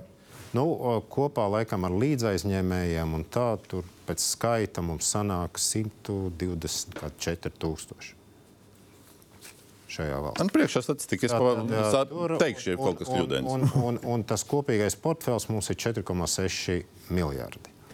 Ja mēs tagad ā, tā paskatāmies, tad mēneša maksājums atkal, ja man atmiņa neviļ, tad 72% ir pieaudzis par 100 eiro. Tā ir. Bezās, un, Un- vai- un tagad paskatāmies no otras puses. Vai jūs atļaujat? Paskatāmies no otras puses. Viens ir 100 eiro, un otrs ir salīdzinošās kategorijās. Latvijas bankas dati, kas ir nu, uz pusgadu, ja? tātad visi iekšzemes kredīti kopumā uh, gada likme šobrīd ir sasniegusi vidējā 5,4. 5,4. Nu, bija, vai ne pirms gada bija divreiz mazāk, ja? rupi runājot. Mājasemniecībām 5,2 vidējā likme. Jums ir tagad šobrīd bijis vairāk. Ja? Jā, vidēji. Tad jūs esat virsvidējās. Un, uh, es runāju par mainīgo Eiriboru likmi, kas ir absolūti dominējošais apjoms. Un, un, un kredītiem, uzņēmumiem kredīti 5,9 mainīgo Eiriboru likmi. Un tas mans jautājums ir, liekot fonā to, ko ECB, kur mēs Kazaka personā piedalāmies, ja, kredīti mājasemniecībām Eirozonā. Kopā ar Lietuvu mēs esam varonīgā priekšpēdējā vietā. Ar visaugstākām likmēm. Nu, te bija šie vidējie sakrīt, tāpēc, ka tie ir nesakrīt, tāpēc, ka tur ir jūlijā dati. Ja? Viņi aug un turpinās augt. Mēs esam priekšpēdējā vietā mājasemniecībām un pēdējā vietā biznesam. Ar, pie tam ar diezgan atrāvieniņu. Tas mans jautājums ir, nevis cik vidēji palielinās bitēm vai lešīnskim vai kam mēnesī maksājums, bet vai mums tomēr nu, nav aizrījušie zēni un meitenes dēļ šitās tabulas, ka tā, ja to pievienoto likmu noraut pa vienu procentu nost, tad mēs jau drusku jau kaut kur sāktu vismaz sešniekā būt. Bet mēs to nedarām. Par to pievienoto likmi mēs, protams, arī varam bezgalīgi diskutēt. Bet, ja mēs tomēr uh, paskatāmies, uh, Ne, Padiskutējam nevis bezgalīgi, bet galīgi. Noņemam nost valsts risku. Tad tā likme nu, būs pat mazāka, viena no mazākām. Ēr- Kāda mums valsts lielāks risks par Grieķiju? un- valsts risks. Kas ir valsts risks? Nu, tās ir, mēs skatīsimies uz desmit gadu obligāciju ienesīgumu. Un, uh, tur sanāks, tā, tā ir. Finanšu ministrs nesaprot, es arī nesaprotu. Mums Mums, ir, mums, mums ir veselīgākā situācija šobrīd ar kredītiem. Mums nav riskantu kredītu, kā tas bija 2008. gadā, 11. Ne, ne, bet kas ir valsts risks? Es gribētu Es gribēju teikt, nu kā, nu mēs jau to ja mēs cenojam. Tur ir ā, jāskatās, kāda ir nu, tā valsts riska prēmija. Kāda Valsts riska prēmija ir riska? ienesīgums par obligāciju, desmitgadīgu obligāciju. Ko mēs rēķinām no Jā, ja mēs viņu atrēķinām kāds- nost, Jūs runājat- tad Tas ir kaut kas jauns likme, kas paliek tīri bankai, nav tā augstākā. Bet labi, bet neiesim šajos nu, teorētiskajos apspriešanās. Nē, nē, bet tas ir praktiskais jautājums. Jautājums ir par palīdzību, man liekas, kredītņēmējiem. Nē, jautājums. Nē, nē. nē. Visi saka, nē. Ko tad? Nu, Man ir cits jautājums. Es skatos, Francijā ir 3,16%. Jautājums, vai viņi arī maksā Eiriboru? Kādā ziņā? Protams. 3,16%. Jo, kāpēc ne? Eiribors ir 4%. Tāpēc, ka viņiem fiksētās likmes ir daudz lielākā īpatsvarā. Daudz, daudz, daudz. Kas ir tas iemesls, vai jūs varat izskaidrot, kāpēc mēs nevienīgie visbaltī ir aizšļūkuši tajā dominējošā e- Eiribora virzienā, un vai tur regulators nav kaut ko palaidis garām? Uh, šeit galvenā problēma ir uh, konkurences trūkums. Jā. Ja cilvēki paši iet un prasa, lai pārskata cenu uz leju, tas ir viens no veidiem. Bet otra lieta, ja mēs skatāmies Latvijas situāciju, tad uh, mums tomēr tā konkurence ir diezgan fragmentēta. Katra banka specializējas apmēram uz savu nišu un jūtas diezgan komfortabli. Līdz ar to, ja tu nevari dabūt pie viena, pie otra, tu nevarēsi dabūt. Bits kungs, tas kāpēc smīkņā šobrīd? Ir konkurence. Nākošā lieta, protams, ir atsevišķās jomās, ko mēs redzam. Tiešām bankas pārspīlē ar savu piesardzību. Un tā ir tā lieta, ko Latvijas banka arī saka. Nu, nē, esiet, jā, AML lietas bija jāatrisina. Tas Latvijas ekonomikai bija kritiski svarīgi. Bet mēs bijām runājuši par riskos balstītu, ja? nevis par nu, teiksim, ķeksīšu vilkšanu. Bet- Bankas ļoti ātri norēģē, bet diemžēl daudzas lietas ir aizķērušās. un Tas ir tas, ko mēs arī no banku puses, par- no centrālās bankas puses ļoti aktīvi runājam. Izmantojot rokas grāmatu, neesiet pārāk piekasīgi, jā, nepārspīlēt ar riskiem un necenojiet viņus pa dārgu. Es varu pilnīgi jā, piekrīt par konkurences trūkumu. Ne jau pirmo reizi mēs to runājam. Jautājums, es gribu atzīties vienā jautājumā, ko, ko jūs uzdevāt par to, ka, kāpēc mums ir vairāk uh, Eirobors plus uh, fiksētā, uh, nevis vispār fiksētā likme. Man jāatzīstās, kā kredītņēmējs, uzņēmējs ar lielu pieredzi un ilgiem, es nezinu, ka tāds variants vispār ir. Nezināju līdz šim brīdim. Tiešām? Jā. Šausmas. Uh, par, domājot par pie, šo pievienoto likmju, likmju mazināšanu, vienalga vai aiziet, vai neaiziet, vai proaktīvi, vai neproaktīvi, un ceļošanu starp bankām vai pārkreditēšanos. Uh, viens uh, video, kas uh, ir fragments no tā, kas šeit uh, izskanēja no Evikas Siliņas, jau kā ministra prezidenta, uh, potenciālās ministra prezidents. Tieši jautājumā par to, ko darīt ar banku kredītprocentiem. Īss, bet ļoti ietilpīgs video par šiem diviem jautājumiem. Šāds. Tas varētu nebūt uzreiz budžeta jautājums. Tas drīzāk varētu būt smaga diskusija ar banku sektoru, kuriem būtu brīvprātīgi jāpiekrīt mainīt savus procentu likmes, jo tādā veidā fiziskām personām varētu atviegloties šie uh, hipotekārie kredīti, tāpat novienoties arī par to, ka mēs ļaujam pāriet uh, fiziskām personām no vienas bankas uz otru, ja gadījumā tā banka nav gan elastība. Smaga diskusija ar banku sektoru, lai viņas brīvprātīgi samazinātu likmes. Izstāstiet man, to, nu, piedošana, Rašķētkungs, jums jāsāk tulkot. Vai tas, kas tas ir un vai tas dabā ir iespējams? Nu, šis un tas jau ir iespējams. Nu, mēs jau ar bankas prezidentu jau kopš pavasara uh, tā kā jau neskaitāmos apļos runājam. Un nekas nesanāk. Nu, nav tik traki. Nav Šis tik jau, tas, jau, A, kas ir noticis? kaut- šis jau tas jau ir noticis, bet, bet nu, tāda milzīga progresa nav gan. Jā. Un kas ir noticis? Jā, mēs redzam, ka depozīta likums tiešām ir diezgan strauji augušas. Termiņa depozītiem mūsu Bet mēs ne par kredītu procentu. Jā, Nu, bet tā tā ir daļa no lietas, jo mums ir arī depozīturētāji. Mēs redzam, kreditēšanas pusē ir bankas, kas ir samazinājušas pievienotās likmes. Mēs redzam, komisijas ir šur tur samazinājušās. Šur mēs tur gribam vairāk, šur jā, tāpēc, ka viena banka dara to otru, otru, jā, bet mēs gribam vairāk, un mēs gribam, lai šīs lietas ir paliekošas. Mēs šie, šie cipari liecina, ka nekāda būtiska samazinājuma nav. Nu, tam es negribu piekrist. Progress ir, es teikšu. Bet kā, ja Bors ir 4 un šitien ir 6,7 un tur ir par 5,7? pievienotām likmēm tādām. Uh, es domāju, ka attiecībā uz bankām pēdējā pusgada laikā ir panākts vairāk nekā iepriekšējos desmit. Kazakungs, Ja? vienkārši jautājumu pasakiet Attiecībā, publikai. ja? Pasakiet vienkārši jautājumu. Labi maksājoša. Man normāli kredīta vēsture, nerunājot par kaut kādu blēdu vai vēl kaut ko. Uh, šī brīža situācijā, ka Eiribors ir tuvojas četri un ies, iespējams, ka uh, pāri ļoti drīz. Cik būtu normāla, taisnīga, es lietošu to vārdu taisnīga, likme uzņēmēju, nu, nodrošināt, protams, kredītiem ja? un hipotekāriem. Cik Domāju, būtu taisnīga konkrēti pievienotā likmes likme? Kā uzraugs. Nu, Nu, va. Nedrīkst pateikt, bet esošais līmenis, manuprāt, būtu varbūt krietni zemāks. Un bankām ņemot vērā esošo peļņas līmeni, manuprāt, un skatoties uz ilgspējīgu sektoru un ekonomikas attīstību, ir iespējams, un mēs ar bankām šo esam pārdiskutējuši, juridiski tas arī iespējams, ja, samazināt likmi pašām brīvprātīgi. To ir iespējams. Konkrēti cipars es kā uzraugs nedrīkstu saukt. Respektīvi, jūs kā uzraugs piespiest bankas samazināt likmi nevarat. Tiešā veidā es to nevaru izdarīt. Netiešā veidā. Nu, netiešā veidā mēs redzam, ka mēs esam panākuši depozītu kāpumu, pa solim tas notiek. Un es ļoti ceru, ka bankas spērs atbilstošus soļus. Mēs esam tikušies arī ar akcionāru līmeni, ja, lielo banku, un līdz ar to nu, kaut kāda kustība tur ir. Es ļoti ceru, ka nu, netik tālā nākotnē bankas iznāks ar adekvātu nu, nu, viedokli. Jā, es droši vien šodienas sarunas tēma nav depozīti, kā tu teici. Protams, es gribu teikt, ka nu, mēs arī pieņēmām finanšu ministrijā pieņēmām diezgan neraksturīgu ministrijā lēmumu valsts kasei iestartēt ar krāju obligācijām. Jā. Mēs tirgojam tagad viņus ar gandrīz dienā, gandrīz 1 miljonu eiro vērtībā, kaut kas ar 1 un 2 miljoniem eiro. Un, šobrīd tas diezgan ietekmēja arī depozītu likuma situāciju. Pavilk uz Un-. Jā, bet Mēs- kredīt ņēmējs, Es saprotu, kurām saprotu nav bet es naudas. vēlreiz ir, bet cilvēkiem, kuriem ir nauda, es at, piedod, atgādināšu, ka Latvijas iedzīvotājiem kontos stāv 13 miljardi eiro. Ja? Nav tā, Nu, nav tā, ka viņi galīgi viņiem nav vajadzīgi. Viņi vienkārši tā ir cita lieta, jā, bet tā ir rezervīta. Bet toties tā tad depozīta likme ir, ir iespēja tādu noguldīt. 13, 13 miljardi. 13 miljardi. Jā. Kredītu ir 4,7.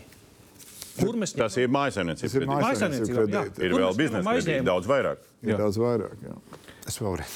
Nē, nē, nu, īsu atbildi. un- Nē, nu, īsa tad- atbilde ir starpbanku tirgu šiem konkrētajiem aizdevumiem. Bet taču ir 14 miljardi eiro. 13 miljardi. Nu, 13. Viņi ir. Tā ir kopā ar 8. No tiem ir jāfinansē mūsu. Vai vēlreiz viņi ir? Nē, nē, bet nu, ir jāatbild uz tiem jautājumiem dažādiem. Neko nevar darīt. Un piedodiet ar idiotu neatlaidību. Šādiem garajiem kredītiem aizņēmumu ņēmu starpbanku tirgu. Starpbanku tirgu ir Eiribor likme, kas man arī ir jāmaksā. Bet tas, mēs runājam par konkurenci visu laiku, konkurence, konkurence.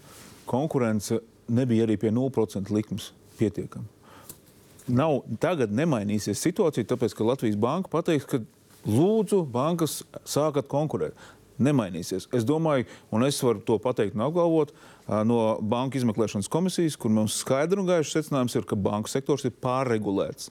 AML prasības ir procedūāls, nevis uz riskiem balstītas. Un, un rezultāts tam visam ir sloks, kas ir uzlikts bankām, ir, salī, ir, ir, ir nesalīdzināmi liels, nevajadzīgi liels, eh, tāpēc ka viņš ir birokrātisks. Mēs izvērtējam Kīma, eh, Kīma Korejas eh, teiksim, miljardus tikpat kā piparbodīt Latvijā vien, vienlīdzīgi. Es pā- pārspīlēju, bet mums visas bankas kā viena teica, ka šī ir problēma. Un tā problēma mums iet tālāk uz grāmatvedības uzņēmumiem, uz nekustamā īpašuma aģ- aģentiem un advokātiem. Un šī problēma rada. Mums, mums bankās lielākais departaments ir nevis pārdošanas departaments, nevis kredīta departaments, bet tieši AML prasību pārstīšanas departaments. Mums ir dārgs šis process. Tiešām tik traki. Nu, tas varbūt Es pārspīlēts. sadalīju to divās daļās. Ja. Viens ir prasības bankām, kas ir nu, teiksim, no likumdošanas puses. Ja. Un, un šeit tiešām es varu piekrist Kulberga kungam, un Latvijas Banka par šo ir paudusi kopā ar Finanšu ministriju pagājušā gada beigās arī ļoti skaidru viedokli par to, ka banku policiskās funkcijas atsevišķos gadījumos ir pārspīlētas. Ja, piemēram, par maziem darījumiem. Ja, nu, tas būtu jāņem Banku, nevis Nē, regulātoru. nu, nē, nē. Tas ir likumā ielikts, kas bankām ir jāziņo, bet īstenībā tā būtu piemēram FIDA atbildība. Ja? Tas būtu vai vida atbildība. Ja? Tas būtu jāņem no bankām nost. Savukārt, attiecībā uz regulātoru lietām, tur gan es negribētu piekrist, ka kaut kas ir pārregulēts. Tur šeit bankas vienkārši uh, pašas baidoties, ja? uh, piemēro pārāk stingras prasības. Ja? Un Baidoties no jums. Nē, ir pārāk, ir arī, pārāk jā. vispārīgi uzrakstīta šī rokas grāmata, kas liek bankām būt pārlieku drošām, jo uz bankām ir uzlikts šis. Pārāk, drīzāk. pārāk, Pārāk, teiksim, Bet ko nodrošināties. mēs, bet, bet ko mēs šeit darām? Mēs nu, teiksim, tiešām ar bankām ļoti skaidri un konkrēti izrunājam, regulāri, kur tās, nu, tā, tā var teikt, nu, pāršaubu pārpastrību, ir pārāk piesardzīgas. Ja? Jābūt uz riskiem bāzētam. Tas klients, kurš nu, izskatās drošāks, viņam nevajag visu prasīt. Problēma ir tajā, ka, palētinās to. ka uh, mēs par to sen runājam, akcentējam, un jūs runājat ar bankām, bet nemainās nekas. Konkrētos piemēros vakar es saņēmu no Svetbankas paziņojumu, ka man kā eksportētājiem nav vēlams, kad no, pieņemsim, es eksportēju uz Ķīnu un maksā viņa mācību kompānija uh, no Vācijas. Ka Man šādi darījumi turpmāk bankā nedrīkst notikt. Man ar šiem darījumiem ir jāvācās prom. nāciet Otrs piemērs. Pašu, Es jau to vienmēr stāstu. Otrs piemērs. Keisu mēs atrasim. 200 eiro maksājumam, kas bija pārmaksāts no mana klienta. Um, Mongolijā man bija uz banku jāiznes kaudze ar papīriem par to, ka 200 eiro es samaksāju. Mm. Tas ir šīs nedēļas tikai darījums. Katru nedēļu, katru nedēļu mēs stiepjam tonām papīru, stāstam par muļķībām visādām. Pat pa elektronisku pat neņem, jā? Visu vajag papīrā. Nu, nē, nu nenesam okay. jau fiziski viņus, bet skanējam, sūtam. Atnesiet, tam to uz centrālo banku. Mani kolēģi apstīsies un to ar bankām izrunās un centīsies atrast. Es teiktu, ka tā Katrs situācija, es teiktu, ka katrs jau nenesīs, vajag ot šis tas tas moments. Es Bija teiktu- te var aizdest, viņi jau arī risinās. Ir kaut kādi tur vai ne Twitter personības, kuriem samazina nevis līdz 205, bet, bet mazāk. Ja? Nē, tas jau ir tas vēl pēc. Situācija kļūst ar- ne, problēmu nevar atrisināt. Mums vajag konkrēti keisu ar banku izrunāt. To iekļaut pēc tam rokas grāmatā. Banka pasaka, šitādi ne, šādā veidā nerīkoties. Mēs sakām, ka no, no uzņēmēja puses situācija kļūst vēl ar katru mēnesi sliktāka nekā bija. Mēs to sen runājam. To mēs Aizturēta nauda šobrīd jau aizdomēnā ir eksportētājiem ienākumi pat no Ukrainas. Man noturēja norestēta nauda Luminorā no decembra vidus, atbrīvoja 200 tūkstoši janvāra beigās. Viņi paziņoja, ka tāda viņiem nav iespēja ātrāk apstrādāt. Man 200 tūkstoši uzņēmumam es vēl varēju izdzīvot. Ja tas būtu mazs un vidējs, Nāciet pie mums, un lai mēs, tad mēs varam atrast. Vidējo temperatūru slimnīcā jūs varat iedot, vai, vai jūs atzīstat, ka bankas pārcenšas, vai tie likumi tika pie vainas? Ja mēs runājam par atbilstību, es tiešām varbūt nedaudz garāk atbildēšu, bet nu, sadalīsim tomēr di, di, di, divo, di, divos jautājumus. Man šķiet, ka nav, un, man visiem mums šķiet, un maniem kolēģiem, nav, nav, nav strīds par to, ka skaidrs, ka mūsu bankām, tāpat kā visām bankām, sevišķi tiem, kas grib strādāt ar eksportētājiem, jābūt labām atbilstības um, funkcijām. Kādēļ viņām tur ir jābūt? Nu, priekš tiem pašiem klientiem, lai mēs vispār varētu nodrošināt viņiem tos maksājumus. Tā ir viena lieta.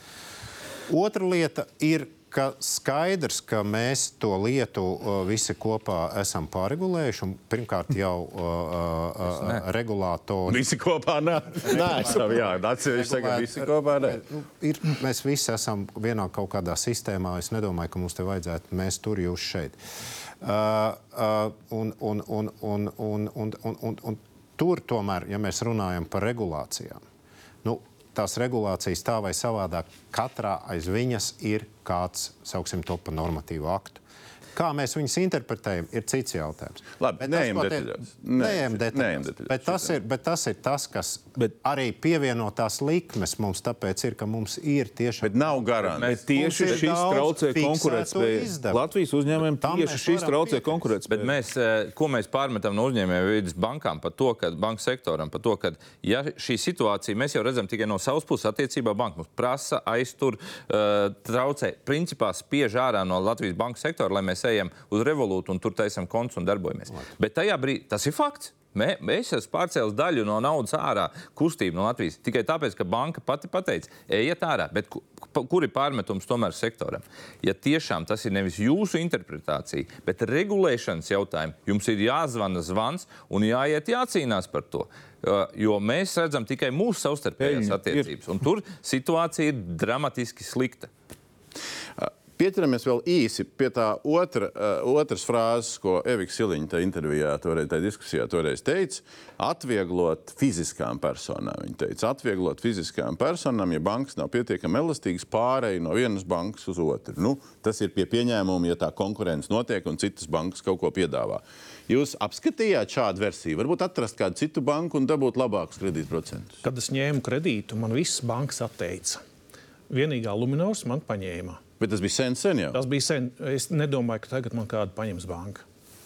Šī tik, nu, Bankām- visai palika aizdomīgi, kas jūs par kredītu. Bankām privātpersonas ļoti maz interesē, diemžēl. Ir kā arī. Vai, bet, bet ar, ar to jūs gribat teikt, un, un, un, un protams, jautājums, vai Ašrādienkungam ir viedoklis, vai šeit kaut ko baigi var atvieglot, vai var valsts kaut kādu regulējumu te var? var? Jā, mēs to esam Ko? praktiski jau nu, izgājuši vienu riņķi ar visām atbildīgajām ministrijām no Latvijas Bankas puses, apskatījušies, ko tur var darīt. Bet ko var izdarīt? var darīt vairākas lietas. Pirmais - procesu vienkāršot, jo viņš ir ļoti sarežģīts. Tur ir dažādi vērtējumi, tur uh, informācija no viena pie otra, trešā. Ja?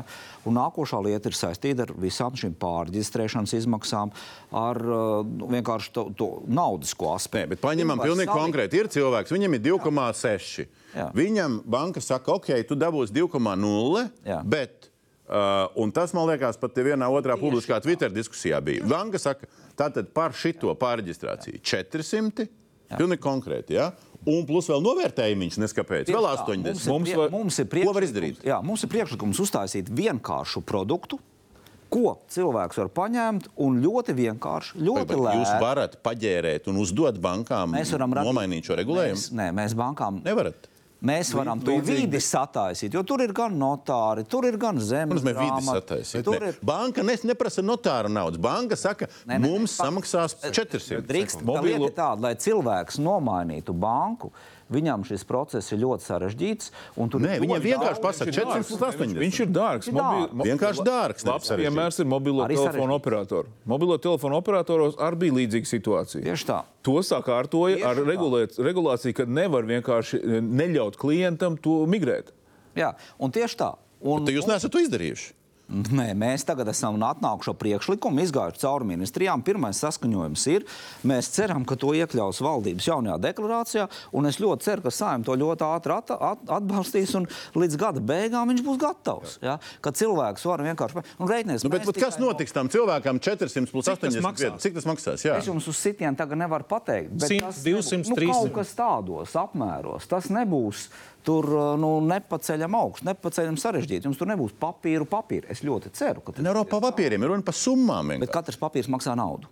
Pagaid, pagaid, nu, pa... Vērtējums maksā naudu. Ja? Bet, Līdz ar to šeit ir savs. Kazakungs, bet banka vienkārši saka, pārreģistrācija uz jaunu likmi mazāku maksās 400. Tur nav nekādas 100 Ne, papīra. okay. Bankas, protams, pašas vienalga teiksim, dos to likmi, ja? bet cilvēkam tas likmes samazinājums, kas ir nepieciešams, lai atmaksātos pāriet no vienas bankas, nebūs vairāk. Tur viņam izmaksās tur 0,5% no kredīta, bet viņam varbūt bās, būs 0,1%. A, Varbūt nebūs, varbūt paliks augsts. Kā jūs zināt? Varbūt tur kartels otrā pusē. Opa. Tas bija. Par Tas to- ir jautājums. Par to teiksim, konkurences padomu. Bet, bet, bet tas jautājums ir sekojošs. Ko mēs esam veikuši analīzi? Mēs redzam, ka cilvēki klienti saka, ka vienkārši viņiem ir ļoti dārgi nomainīt banku. Nu ja. Latvijā analīze liecina, ka tikai 2%. Tikai 2% no visiem hipotekārā kredīta ņēmējiem dzīves laikā nomaina banku un dabū kaut ko lētāku. Ja? Kazakungs, tagad, tagad ļoti svarīgi, uh, citējot finanšu ministru, jo viņam ir tas ieviļotais teiciens, ko es sāku aizgūt. Šī tas ļoti svarīgi. Ka Bitskungam jūs sakat, atnesiet, atrisināsim to jautājumu. Tad tagad jūs sakat 100 tūkstošiem plus hipotekāru kredītu ņēmēju. Nāciet, mēs risināsim. Ja jums Mēs šo gribam uzstājas. Mēs gribam, nē, šis būs pieejams produkts, mūsuprāt, ja viņš izies saimai cauri, ja, ko hipotekārais maksātājs, hipotekāra kredītņēmējs var izmantot, lai vienkārši nomainītu savu kredītu no vienas bankas uz otru banku. Ar finanšu ministriju uh, sākotnēji tas ir pārnāts ar tieslietu tiesliet ministriju arī, ar ekonomikas ministriju arī. Un bankas ir piekritušas? Ar bankām mēs runāsim, tad mēs sapratīsim, ka tas tiešām iet cauri. Ja? Pagaidiet. Nav jautājums piekrīt vai nepiekrīt. Es tikai gribu pateikt, ka tiešām šobrīd liels paldies gan Latvijas bankai, gan visiem iesaistītajiem kolēģiem. Nu, gribētu teikt, mēs gadiem par to runājām, ka mums klientu mobilitātē viena no tām lielām lietām ir tā, ko jūs tieši arī minējāt. Lai pārietu no vienas bankas uz otru banku, sevišķi hipotekārā aizdevušana, tur ir gan, gan novērtējumi, gan, gan, gan visa tā korporācija, nostiprināšana pa vidu. Ja mēs to uh, atrisinām un, un izdarām uh, visu kopā, tad tas jau ir uh, būtiski. Nu, skatīsimies, ko jūs risināsiet. Publiski nav manīts baigi, kāds ir tas risinājums. Uh, un tagad atgriežamies pie risinājumiem, kas ir nu, visvairāk uz galda, ir nodoklis. Nu, vai arī vai uzņēmuma ienākuma nodokļa avans maksājums, vai arī vēl kaut kas cits. Nu, un te mēs atgriežoties pie sākuma, kur bija Vašrādena kunga arī tas publiskais citāts. Nu, pretī ir daudz dažādu citātu. Nu, te ir viens, kas ir no Bajāras kundzes pagājušās nedēļas asociācijas priekšnieces. Uh, bankas sliktas tādās jomās, bankas sliktas tādā, nu, ar neslēptu ironiju. Bankas sliktas visās jomās, tagad viņas arī sliktas, ka pelna pa daudz. Un sabiedrība tiek nogatavināta, nu, tas mums tāda folklora jau vairāk gadu garumā, tiek nogatavināta jaunu nodokļu ieviešanai. Acīm redzami, pasakot, stulbi, muļķīgi, nevajadzīgi, lieki un, un, un neko labu nedos nodoklis. Pareizi? Uh, man šķiet, tā uh, nodoklis, nu vispār nodoklis kā tāds, uh, tā ir uh, likumdevēja prerogatīva noteikt šajā valstī nodokļus un nodevu. Uh, šķiet, ka būtu svarīgi mums tomēr saprast, nu, vai nodefinēt, cik mēs, kādas ir mūsu tās fiskālās vajadzības un, un, un kā mēs viņus domājam izpildīt. Jo nodoklis kā tāds, kā viņi tur nosauc, kā viņš būtu, tas jau ir tikai rīks. Jautājums, cik tautai saprotamā valodā fiskālās vajadzības, cik budžetā grib paņemt? Ja? Bet tas jau būtu normāli. Un tad uh, risinājums. Nu, Ašarādi, kungs, mēs ātri vienojamies, pusmiljardu vajag un paņemam visu. Nekādas problēmas. Jā, bet, atvainojiet, ja jūs pats atbildat uz savu jautājumu, tad es varbūt tieši. Bet nu, tas tā. Uh, uh, tomēr es gribēju pabeigt par, par, par to nodokli. Tātad tas, tā, tā, tā ir valsts uh, lieta, un, un tur, tur nav stāsts. Jautājums ir par to, kā mēs to nodokli ieliekam uh, tajā uh, kontekstā, ko mēs arī šeit runājam. Uh, lai mēs caur to nodokli uh, teiksim, nepasliktinātu ne konkurētspēju, bet tieši otrādi viņu vairot mūsu pievilcība, lai nezustu investoru acīs. Un lai mēs būtu konkurētspējīgi. Vai šis konkrētais projekts traucē pievilcību un konkurētspēju? Ja mēs uh, konkrētā projekta uh, Latvijā, ja mēs runājam uh, par uh, jūsu banku nodokli, tad mēs jau apspriedām par, par Lietuvu. Par Lietuvu tur ir uh, ļoti skaidri gan Eiropas nu, Savienības gan ir tā. pateikusi arī, arī, arī eh, Startautiskais valūtas fonds. Un tieši to, ko es gribēju pateikt, ka eh, šādi nodokļi un hoc nodokļi jau nu, nekādā veidā eh, ne uzticību, ne konkurenci, ne, ne stabilitāti nevairo. Nu, Labi, mēģināsim.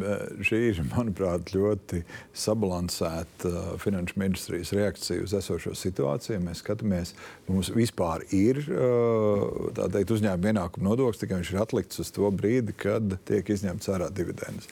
Šajā situācijā, kā jūs teicat, kad bankām veidojas pēļņa ne savas biznesa darbības dēļ, bet Eiropas centrālās bankas politikas dēļ, uh, jēdzīgi ir, tā, ka valdība reaģē ar to, ka saka, labi, tā norma, kas ir atlikta, laikā tiek piemērota konkrētam brīdim. Savukārt, Finanšu ministrija dizainē šo nodokli tādā veidā, ka mēs varam tātad iekasēt peļņas nodokli 20% apmērā par to peļņu, kas ir izveidojusies iepriekšējā gadā. Es neredzu šeit nekādu apdraudējumu ne banku politikai, nekā savādāk, bet šeit ir pilnīgi skaidrs, ka finanšu iestādes, kurās akumulējas ļoti strauji peļņa, tātad šo peļņas daļu novirza sabiedrības vajadzībām, un tādas mums ir ļoti daudz, un primārā ir aizsardzības vajadzība. Šobrīd. Bet šito noprecizējām, kur jūs gribat novirzīt, Jā. jo tai publiskajā paziņojumā šeit, ko jūs rakstījāt, valsts, nu, vai jūs, zem jūsu vārda, tas ir Finanšu ministrijas labā publicēts, valsts prioritātēm un mērķētam kredītņēmēju atbalstam. Jums un jums. Jā, savukārt, es šeit nedzirdēju. Savukārt ministru kabineta uh, informatīvā ziņojumā, kas vēl nav izgaists ar valdību, bet kas ir iesniegts par nodokļu paketi, ir pilnīgi konkrēti šos ieņēmumus uh, valsts drošības apdraudējumu novēršanas pasākumu veikšanai. Labi, es teiktu, kam 140? Formulēsim tātad 140 miljoni šī gadījumā nonāks budžetam un četras galvenās prioritātes ir formulētas tad ārējā iekšējā drošība primāri, tad ir izglītība un veselība, tad četri lielie, četri lielie vaļi. Savukārt viena no lietām, ko Finanšu ministrija rūpīgi vēro, tad es uzdevu jautājumu par kredītņēmējiem, kuri ir nonākuši problēmās. Tātad viena no valdības uzdevumiem, ja tāda tiešām ir rodās, tad ir skatīties risinājums, kā var novirzīt daļu no šīs summas, lai palīdzētu šiem kredītņēmējiem. Ja? Paldies. Un, un tā ir viena ļoti svarīga sadaļa. Mēs tiešām kalkulējam scenārijus, kā mēs viņiem varētu palīdzēt. Paldies. Kulberkungs, jūsu kolēģi gan partija, gan apvienotā sarakstā, gan, gan arī saimā. Matsons kundze vadot tautsājumniecības komisiju, ja, pateica, ka vispār tajā Ašarādina kunga vadītā grupā uh, līdz galam šis jautājums eh, nav nemaz izdiskutēts, un mēs uzstājam uz to, lai tiešām būtu papildus nodoklis bankām. Tagad pasakiet, ko jūs sakat atšķirīgi? Pirmkārt, es uzskatu, ka to naudu. Tā ir šī vienreizēja nauda. Viņa nebūs ilglaicīga. Viņa būs šī apstākļa dēļ radusies nauda. Viņi būtu ļoti gudri jāiegūda tur, kur visvairāk ir problēma. Mums naudai jāražo nauda. Mēs nevaram viņu nodedzināt vienkārši budžetā, iepludināt vajadzības. Es uzskatu, ka šī nauda jāliek ir ekonomikā. Mums ir, mums ir gaps, kas ir noticis. Mums bankas nekreditē reģionus. Tā ir problēma. Reģionos bankas nepiedalās. Mums bankas maisainiecības nekritē un ražošanā ir problēmas uz eksportējušiem uzņēmumiem. Tās ir trīs kategorijas, kur ir skaidrs, eh, skaidrs mums ir jārada risinājums. Ja privātais sektors netiek ar šiem jautājumiem galā, mums jārada, ja šī nauda jāiepludina kaut vai piemēram, piemēram Altumā ar programmu, kurā pašas šīs bankas at, kuras ir gatavas finansēt šos sektorus, var arī atgūt šo naudu atpakaļ un vairot šo naudu. Iegūdot 100 miljonus, piemēram, pamatkapitālā, mēs varam piesaistīt 600, 700 miljonus klāt, kurus var dot ekonomikai, lai ražotos naudu. Vienkārši nokurināt šo naudu, nu, es uzskatu, nav jēdzīgi. Labi, uz šī fona tagad Kazakungs. Te ir daļa no tā uh, garā, vairākos tvītos, tagad vairākos iksos jāskatās jāsaka, jā, jūsu komentāriem gan par Finanšu nozares asociācijas izteikumiem augustu vidū, gan, gan vispār par tēmu. Un, un šī daļa šeit sākas, ka vispār prie, Finanšu ministrijas priekšlikums par šo UN nu, avansu vai nomaksu ir atbalstāms. Bet tagad pie, pie, pie šīs versijas, kam viņš nonāk tālāk? Viņš ir atbalstāms dejab kam? Es domāju, ka šeit, protams, valsts valdības pusē un, un saimnes pusē, veidojot uh, budžetu, ir arī izlēmšana, kur tā nauda aiziet. Uh, mans viedoklis uh, šajā gadījumā attiecībā uz, uz banku sektoru, manuprāt, jā, finanšu ministrijas piedāvājums ir atbalstāms. Ja, ar avansu maksājumu, protams, ir ļoti svarīgi atrunāt detaļas, bet pēc būtības, manuprāt, tas ir atbalstāms. Un tad savukārt valdība izvērtē un saimnieks izvērtē, kā šo naudu precīzi. Tur jūs iekšā nejaucaties. Tagad tas, kā, kā tas balsta kreditēšanu? Šeit bija paziņojums no Finanšu ministrijas, ka tas atbalstīs kreditēšanu. Kā iepludinot vienkārši budžetā, mēs atbalstīsim kreditēšanu. Es mēģināšu vēlreiz. Tā tad vispirms ir ir budžetām ir vispārējais vajadzība. Mums pareizi teikts, ka tā tad uh, valdība vienosies par uh, politiskām prioritātēm, bet vismaz tās galvenās ir zināmas. Uh, bet uh, tas dod iespēju, ja parlaments vienosies, tagad spriežot, kā rīkoties ar kredītņēmēju atbalstu, vismaz situācija ar tiem, kuriem iet visstrakāk. Uh, mēs varam veidot noteiktu veidu atbalsta mehānismus, lai palīdzētu viņiem samazināt šīs augošās procentu likmes. Tikai tiem, kam iet visstrakāk. Nu, Bet cik no bišķīt, bišķīt, skatieties mērogus, lūdzu. Tas kopējais portfels ir 4,5 miljardi, ja es pareizi atceros. Ja?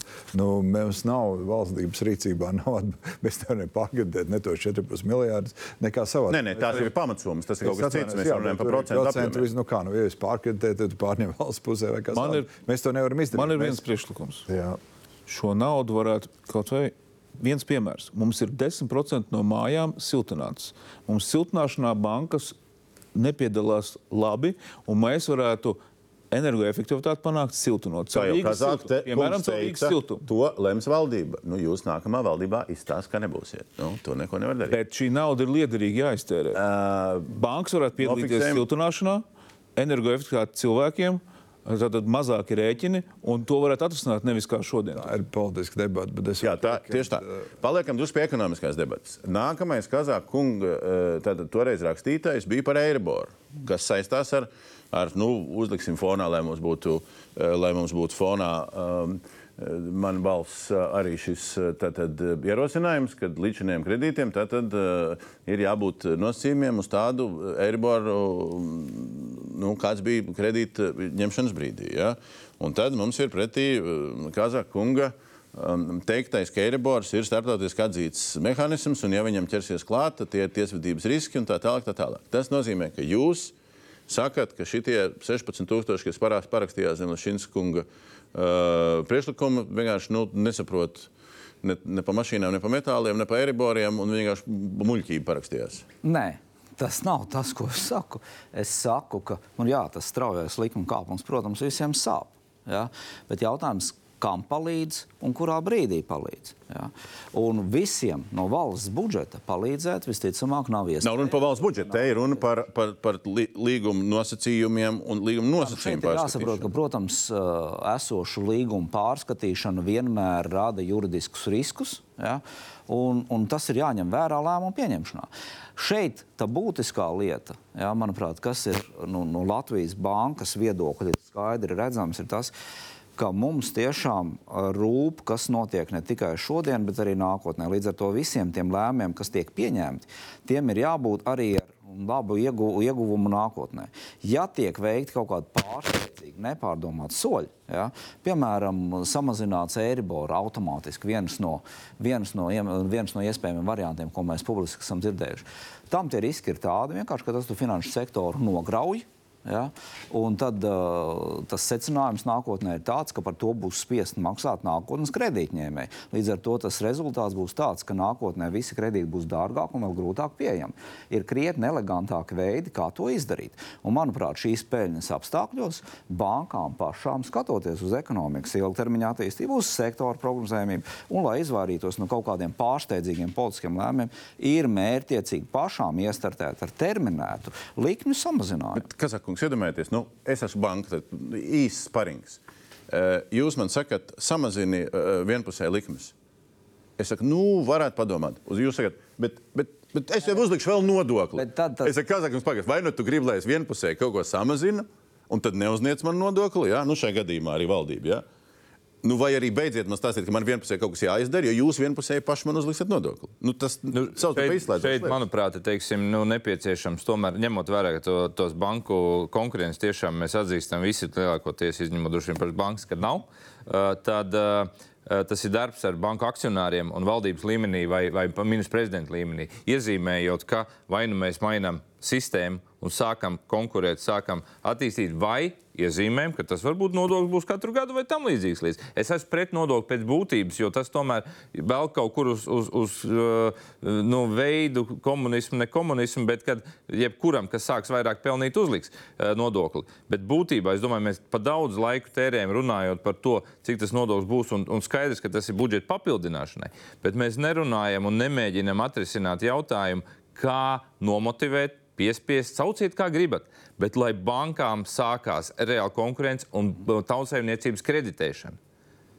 Vai bez tā viss, kas te ir izskanējis, jūs redzat vēl kādu atslēdziņu, lai nomotivētu? Nu, te, te, es es te, tieši arī teicu, tas ir darbs ar akcionāriem, ar banku pārvaldniekiem šeit, kas ir uh, direktori. Aiz, aizbrauks, kas nebūs. aizbrauks pie Blackstone un sāks viņiem stāstīt, kā dzīvot. Nē, nu. Nebrauc pie mums. Es domāju, ka ir, uh, ir, laiks, viņi- ir laiks ieviest diskusiju, kad var Jā, ar Blackstone. ir- Ne ar Blackstone, bet ar uh, nu, augstāko vadību. Nu, labi, Mēs tikāties. viņiem Un... regulāri runājam, nu redzēs, ko viņi, jā, teiksim, kāda. Bet kas ir jūsu mērķis tiekoties? Ja jūs tagad stāstāt, ka jums Mūsu ir mērķis, ir, mūsu mērķis ir, Bet... lai Latvijas ekonomika augtu straujāk un radīt viņiem tiešām izpratni, ka straujāk izaugsme šeit ir labāka arī viņiem. Bet es domāju par banku nostāju. Brazovs kungs krietni specifiskāk šeit varēs izstāstīt. Bet, ja mēs pieņemam pārsteidzīgus lēmumus, kas nograuj investoru uzticību. Un šeit nav jautājums tikai par banku sektoru. Šeit ir jautājums arī, nu, kurš tad ir nākošais. Jā, visas tādas lietas. Tad mums konkurence pastiprinās Latvijas tirgu un būs praktiski neiespējami. Jūs tikko pateicāt, ka, ja mēs ieviešam jaunu nodokļu veidīgu maksājumu, domāju, nu, tad jauni es investori šajā- nenāks. Es, ne, tas būs krietni grūtāk. Ja? Mums būs krietni grūtāk pārliecināt, ka šeit var nākt iekšā. Viņi nezinās, kad atkal kaut kas mainīsies. Šāda diskusija šeit ir pārliek. ļoti būtiska lieta, ko mēs precīzi saprotam ar nodokli. Ja? Un šeit ministra kungs noteikti var iezīmēt, viena lieta ir uzņēmuma ienākuma nodoklis, otrs ir virspeļņas nodoklis. Ja? Tie tomēr ir divi ļoti dažādi risinājumi. Pārlieku liela diskusija par šo. Tiešām var radīt uh, investoriem šaubas par Latvijas tirgu. Es, es uzskatu, ka tas nav labs signāls, ko mēs sūtām pēc būtības. Bet konkurence ir jārisina. un To var, tā, to, tam ir zāles vienkārši runāties ar bankām. Vajag, bet tas neatrisinās konkurenci. Nu, bet tāpēc arī piemēram, tiek samazinātas šīs uh, klientu mobilitātes uh, nu, teiksim, barjeras. Ja? Tas cilvēkiem pašiem dod iespēju paprasīt no bankas vairāk. Tas ir viens no elementiem. Tas ir uh, vairākas lietas. Tā viena primāri, kas tiek risināta šobrīd, tā, tā ir iedarbinātā monitola procedūra, kur uh, mums ir ļoti būtiski šobrīd. Uh, Tad mēs esam iesnieguši pieteikumu, un, un atcerieties, ka Monēvolā ir 12 pozīcijas, kurā divas ir tikai teikt, zaļā krāsa, vispārējais sarkans. Ir, ja. Šobrīd tas kopējais novērtējums saka, ka Latvija rīkojasies optimāli, un mēs varētu iziet ārā, bet tā procedūra prasīs vismaz gadu vai pusotru. Šis ir ļoti svarīgi nākot citam, jebkuram investoram no citas jurisdikcijas, teikt, uz kādu jurisdikciju mēs nākam. Tā tad uh, sliktu vai slikti novērtētu, vai es nākam uz normālu jurisdikciju. Tā, tā ir viena lieta. Otra ir tiešām Latvijas banka un arī Finanšu ministrija, arī Investīciju un attīstības aģentūra diezgan aktīvi monitorē tirgu, kas būtu gatavs šeit ienākt. Nu, vien no, viens no lielajiem jautājumiem ir šis monitola jautājums. Otrs, protams, ir arī starptautiskā situācija. Šobrīd nav pati tā teikt interesantākā priekš investoriem. Tā kā šie, šie Šīs procesi lietas ir ilgtermiņa lietas, kas īstermiņā nekādas lietas Es par uz zemes nerisina. konkurence. Nu, un tad ir, mēs mēģinām arī runāt ar mazajām bankām, kas ir Igaunijas gadījums, kur LHV banka ļoti agresīvi ienāca tirgū un tos 20% patiesībā nosedz agresīvi rīkojoties, un tur ir kreditēšanas līmenis būtiski augstāks. Ja. Ja drīkst, ja mēs runājam par kreditēšanu, mums ir di- dažādi līmeņi, un, un ir bankas, kas šobrīd ir ieinteresētas sākt, bet viņām pietrūkst spēka, jo no mazajām bankām kapitāla nav pārāk daudz, un varbūt tur uh, ir jāskatās, palīdzēt un motivēt tos, kas ir gatavi to darīt, bet, diemžēl, jāsaprot, ka tas ir maz. Otra lieta, uh, ja mēs pat saprotam, ka nu, mēs nevaram piespiest bankas, droši vien valsts nu, galīgi piespiest tā ar, ar uzrakstot likumu, ka turpmāk jākreditē viss pēc kārtas, nesanāks.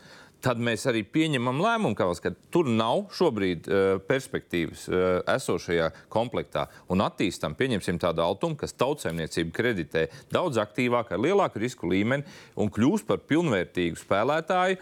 Uh, un tam dodam Tas priekšrocību. ir ar politiskais lēmums valdības deklarācijā. Tas ir tas, ko es teicu. Kas tur būs. Es mēģināšu. Jā, tur ir Altums, pirms Altums šobrīd nav banka, tā ir finanšu institūcija. Tad, ja mēs pārējām jaunā pakāpē, tur sākās, piedodiet, ļoti daudz dažādu procesu. un Tas viens lielais jautājums, saucās valsts atbalsts. Kādēļ valsts in- iet tur, kur, uh, tur, kur, uh, tur, Bet uz terminētu krīzes posmu var un Iespējams, var būt, bet, nu, Bet privātais netiek galā šobrīd. Bet tagad ir uh, nu, liels jautājums, vai tirgus nepilnība ir tādā līmenī, lai val- valsts pieņemtu Vai lēmumu. valsts intervence vismaz uz termiņu ieiet, piemēram, caur altumu un sakult tirgu. Tas būs slikts ceļš. Tas daļai jau notiek, tur jābūt piesardzīgam, jo mēs, protams, negribam otru hipoteku banku. Ja?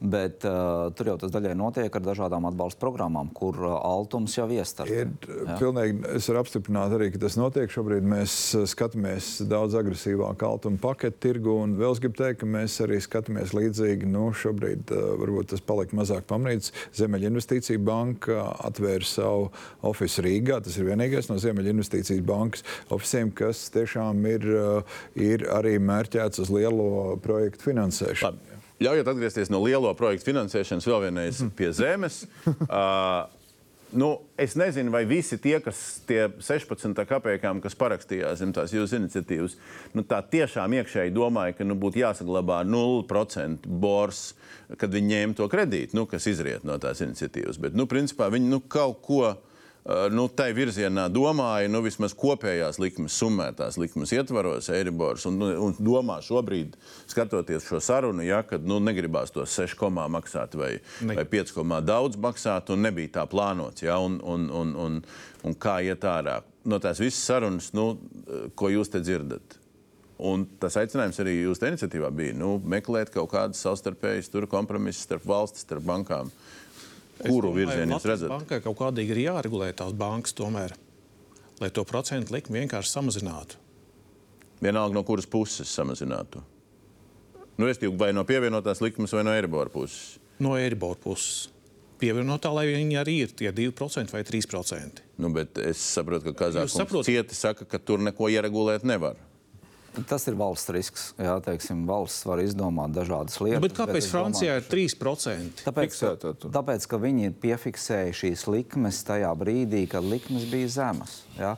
Un tā, diemžēl, ir Latvijas finanšu sektora problēma, ka tajā laikā dažādu iemeslu dēļ vai nu bankas nepiedāvāja, vai nu vienkārši tajā brīdī tas likums bija tik zems un cilvēki neizdarīja. Vai Latvijas banka to uzreiz nevarēja regulēt? Mēs to Pirmkārt, Latvijas bankai uzraudzības puse ir tikai no šī gada sākuma. Otrakārt, šādas lietas likmju līmeni regulēt nevar. Jums jau likmju būtības izvēle. Bet lai nebūtu tā eiribora, bet būtu fiksētā līnija. Nu jā, bet uh, tad jau tā fiksētā likme būs pilnīgi atšķirīga. Ja šajā brīdī jūs Lai viņi ir tie 3%. Bet es jūs, nevarat, jūs nevarat patīt bildi atpakaļ un Nevar. Kāpēc Latvijas banka šis... tad to neizdarīja? Credit. Mēs par to tajā laikā runājām. Ja? Mums nebija tiesības to darīt, un šajā brīdī arī nav. Jo tas jautājums ir par piedāvājumu tirgu. Ar bankām mēs ļoti nu, konkrēti šo pārunājam, lai šādi pakalpojumi, kas agrāk nav bijuši. Ja? Nu, Tiešām būt tirgu pieejam. Nu, labi, apstāties, nu, valsts jau ir regulējusi un skatoties, bija tas saucamais noliktu atslēgu princips, ja es atceros. Nu, tieši cik kredīti bija. Nu, valsts noteica, ka tāda nu, ka kredīti, un kad, man liekas, ka tā arī neviens nepaņēma tādu. Nu, bija daži, bet. Uh, daži bija, bet tas, projekts, tas produkts beidzās. Nu, saprotiet, šie ir brīvā tirgus apstākļi, kuros uh, klienti izvēlās vai nu fiksētu vai šādu te, uh, piedāvājumu, kas ir uh, bankas intereses un Eirobors. Nu, nu, tā tas ir. Bet Francijā tagad piedāvā uz 3%. Nu, tad ir, nu, tad es nezinu, cik kāda, kāda šobrīd ir fiksētā likme, ko bankas piedāvā. Bet es domāju, mums tiešām jārunā praktiski, uh, kā tā situācija būtu. Un es gribu teikt, ka nu, bankām ir viena lieta, un tas ir pareizā spēle, ir banka laukumā šobrīd. Tāda bankas var brīvprātīgi Sam. samazināt savu interesi, tas ir viens.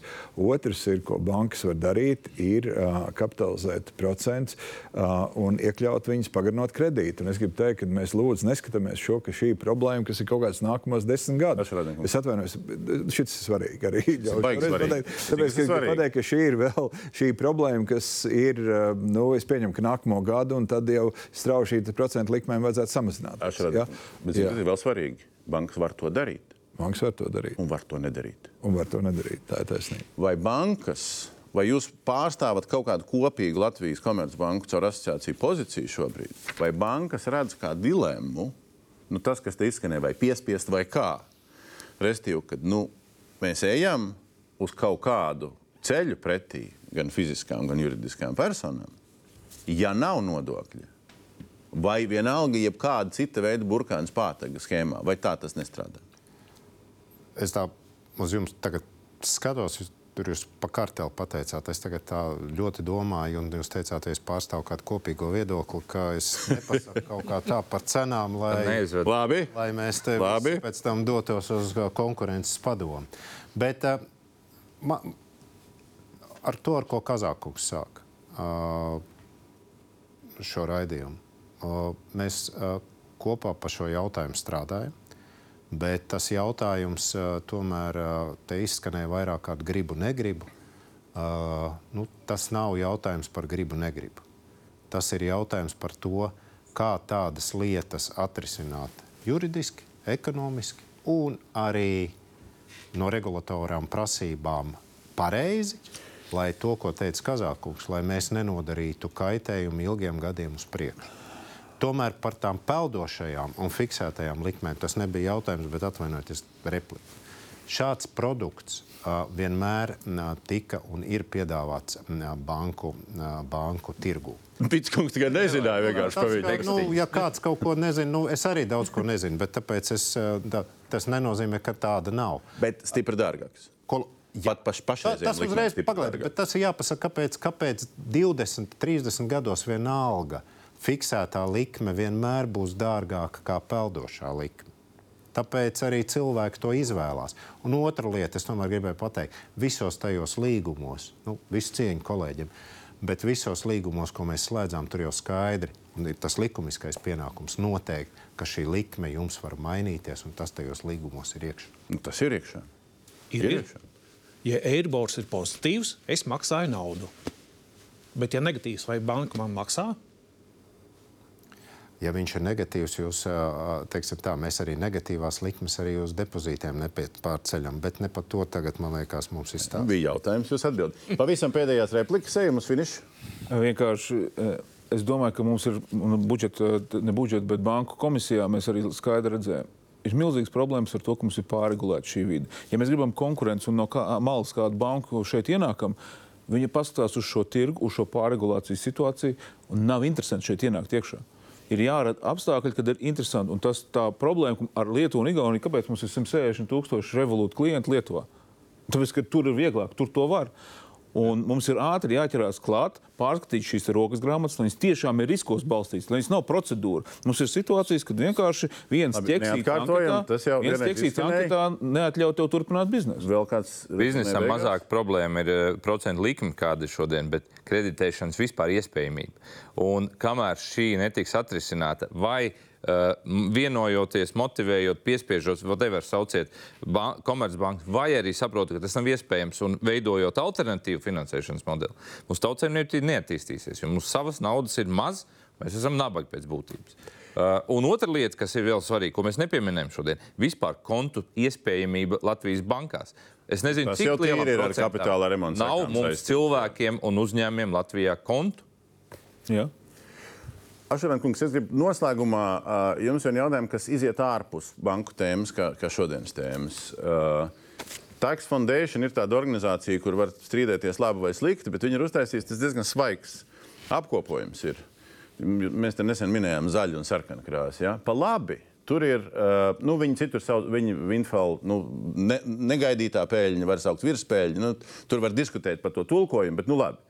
Bet tie sarkanās krāsas ir visas tās valstis, kur kaut ko tādu neievieš attiecībā uz bankām. Un pa kreisi ir zaļā krāsa, kur izņemot Lietuvu, kā mēs redzam, uh, nu, uh, tur kaut kā Latvija arī figurē. Tur un dažām valstīm tur nav datu, bet tas viss ceļš ir uz energokompāniju aplikšanu. Respektīvi, uz viņu peļņas aplikšanu. Nu, respektīvi, ka nav tā kā izņemts ārā no visas stāsta tikai bankas, bet ir izņemts ārā tie, kam bija negaidītās peļņas vispār šajā periodā, kopš karš sākās un sākās visas jēzgas. Mēs par to, cik daudz domājam vai nedomājam. Šo, šis ir vēl viens jautājums, jā, mēs viņu monitorējam. Un, uh, viens, Labi, pieņemsim, tātad tas ir viens no risinājumiem, ko mēs varētu ieviest, bet, bet viņš būtu pirms tā notikuma, nevis notikuma laikā. Restīvi, jā, Latvijā drošības mehānismi ir. Mēs skatījāmies arī Beļģiju, kur regulē, kādā veidā var pieaugt procentu likmes bankām un daudz citas lietas. Tas ir dienas kārtībā. Jā. visbeidzot, nemēģinot kaut kādu rezumē uztaisīt, jāstāsta, kas te notiks jaunās valdības plānos un deklarācijās vēl kaut kas, bet viena lieta mēs tā vai citādi grozamies ap regulātoru. Regulātoram amata pilnvaru laikā uh, ir palicis nu, pusotrs gads, nu, būtībā līdz saimnes lēmumam, ka būs jāpārskata, uh, kas ir Latvijas bankas prezidents, nu, mazāk kā pusotrs gads. Un šī saima, nu, ja viņi neatlaiž kādā gadījumā, šī saima lems par to, vai Mārtiņš Kazāks, ja viņš gribēs kandidēt uz otro termiņu, būs vai nebūs.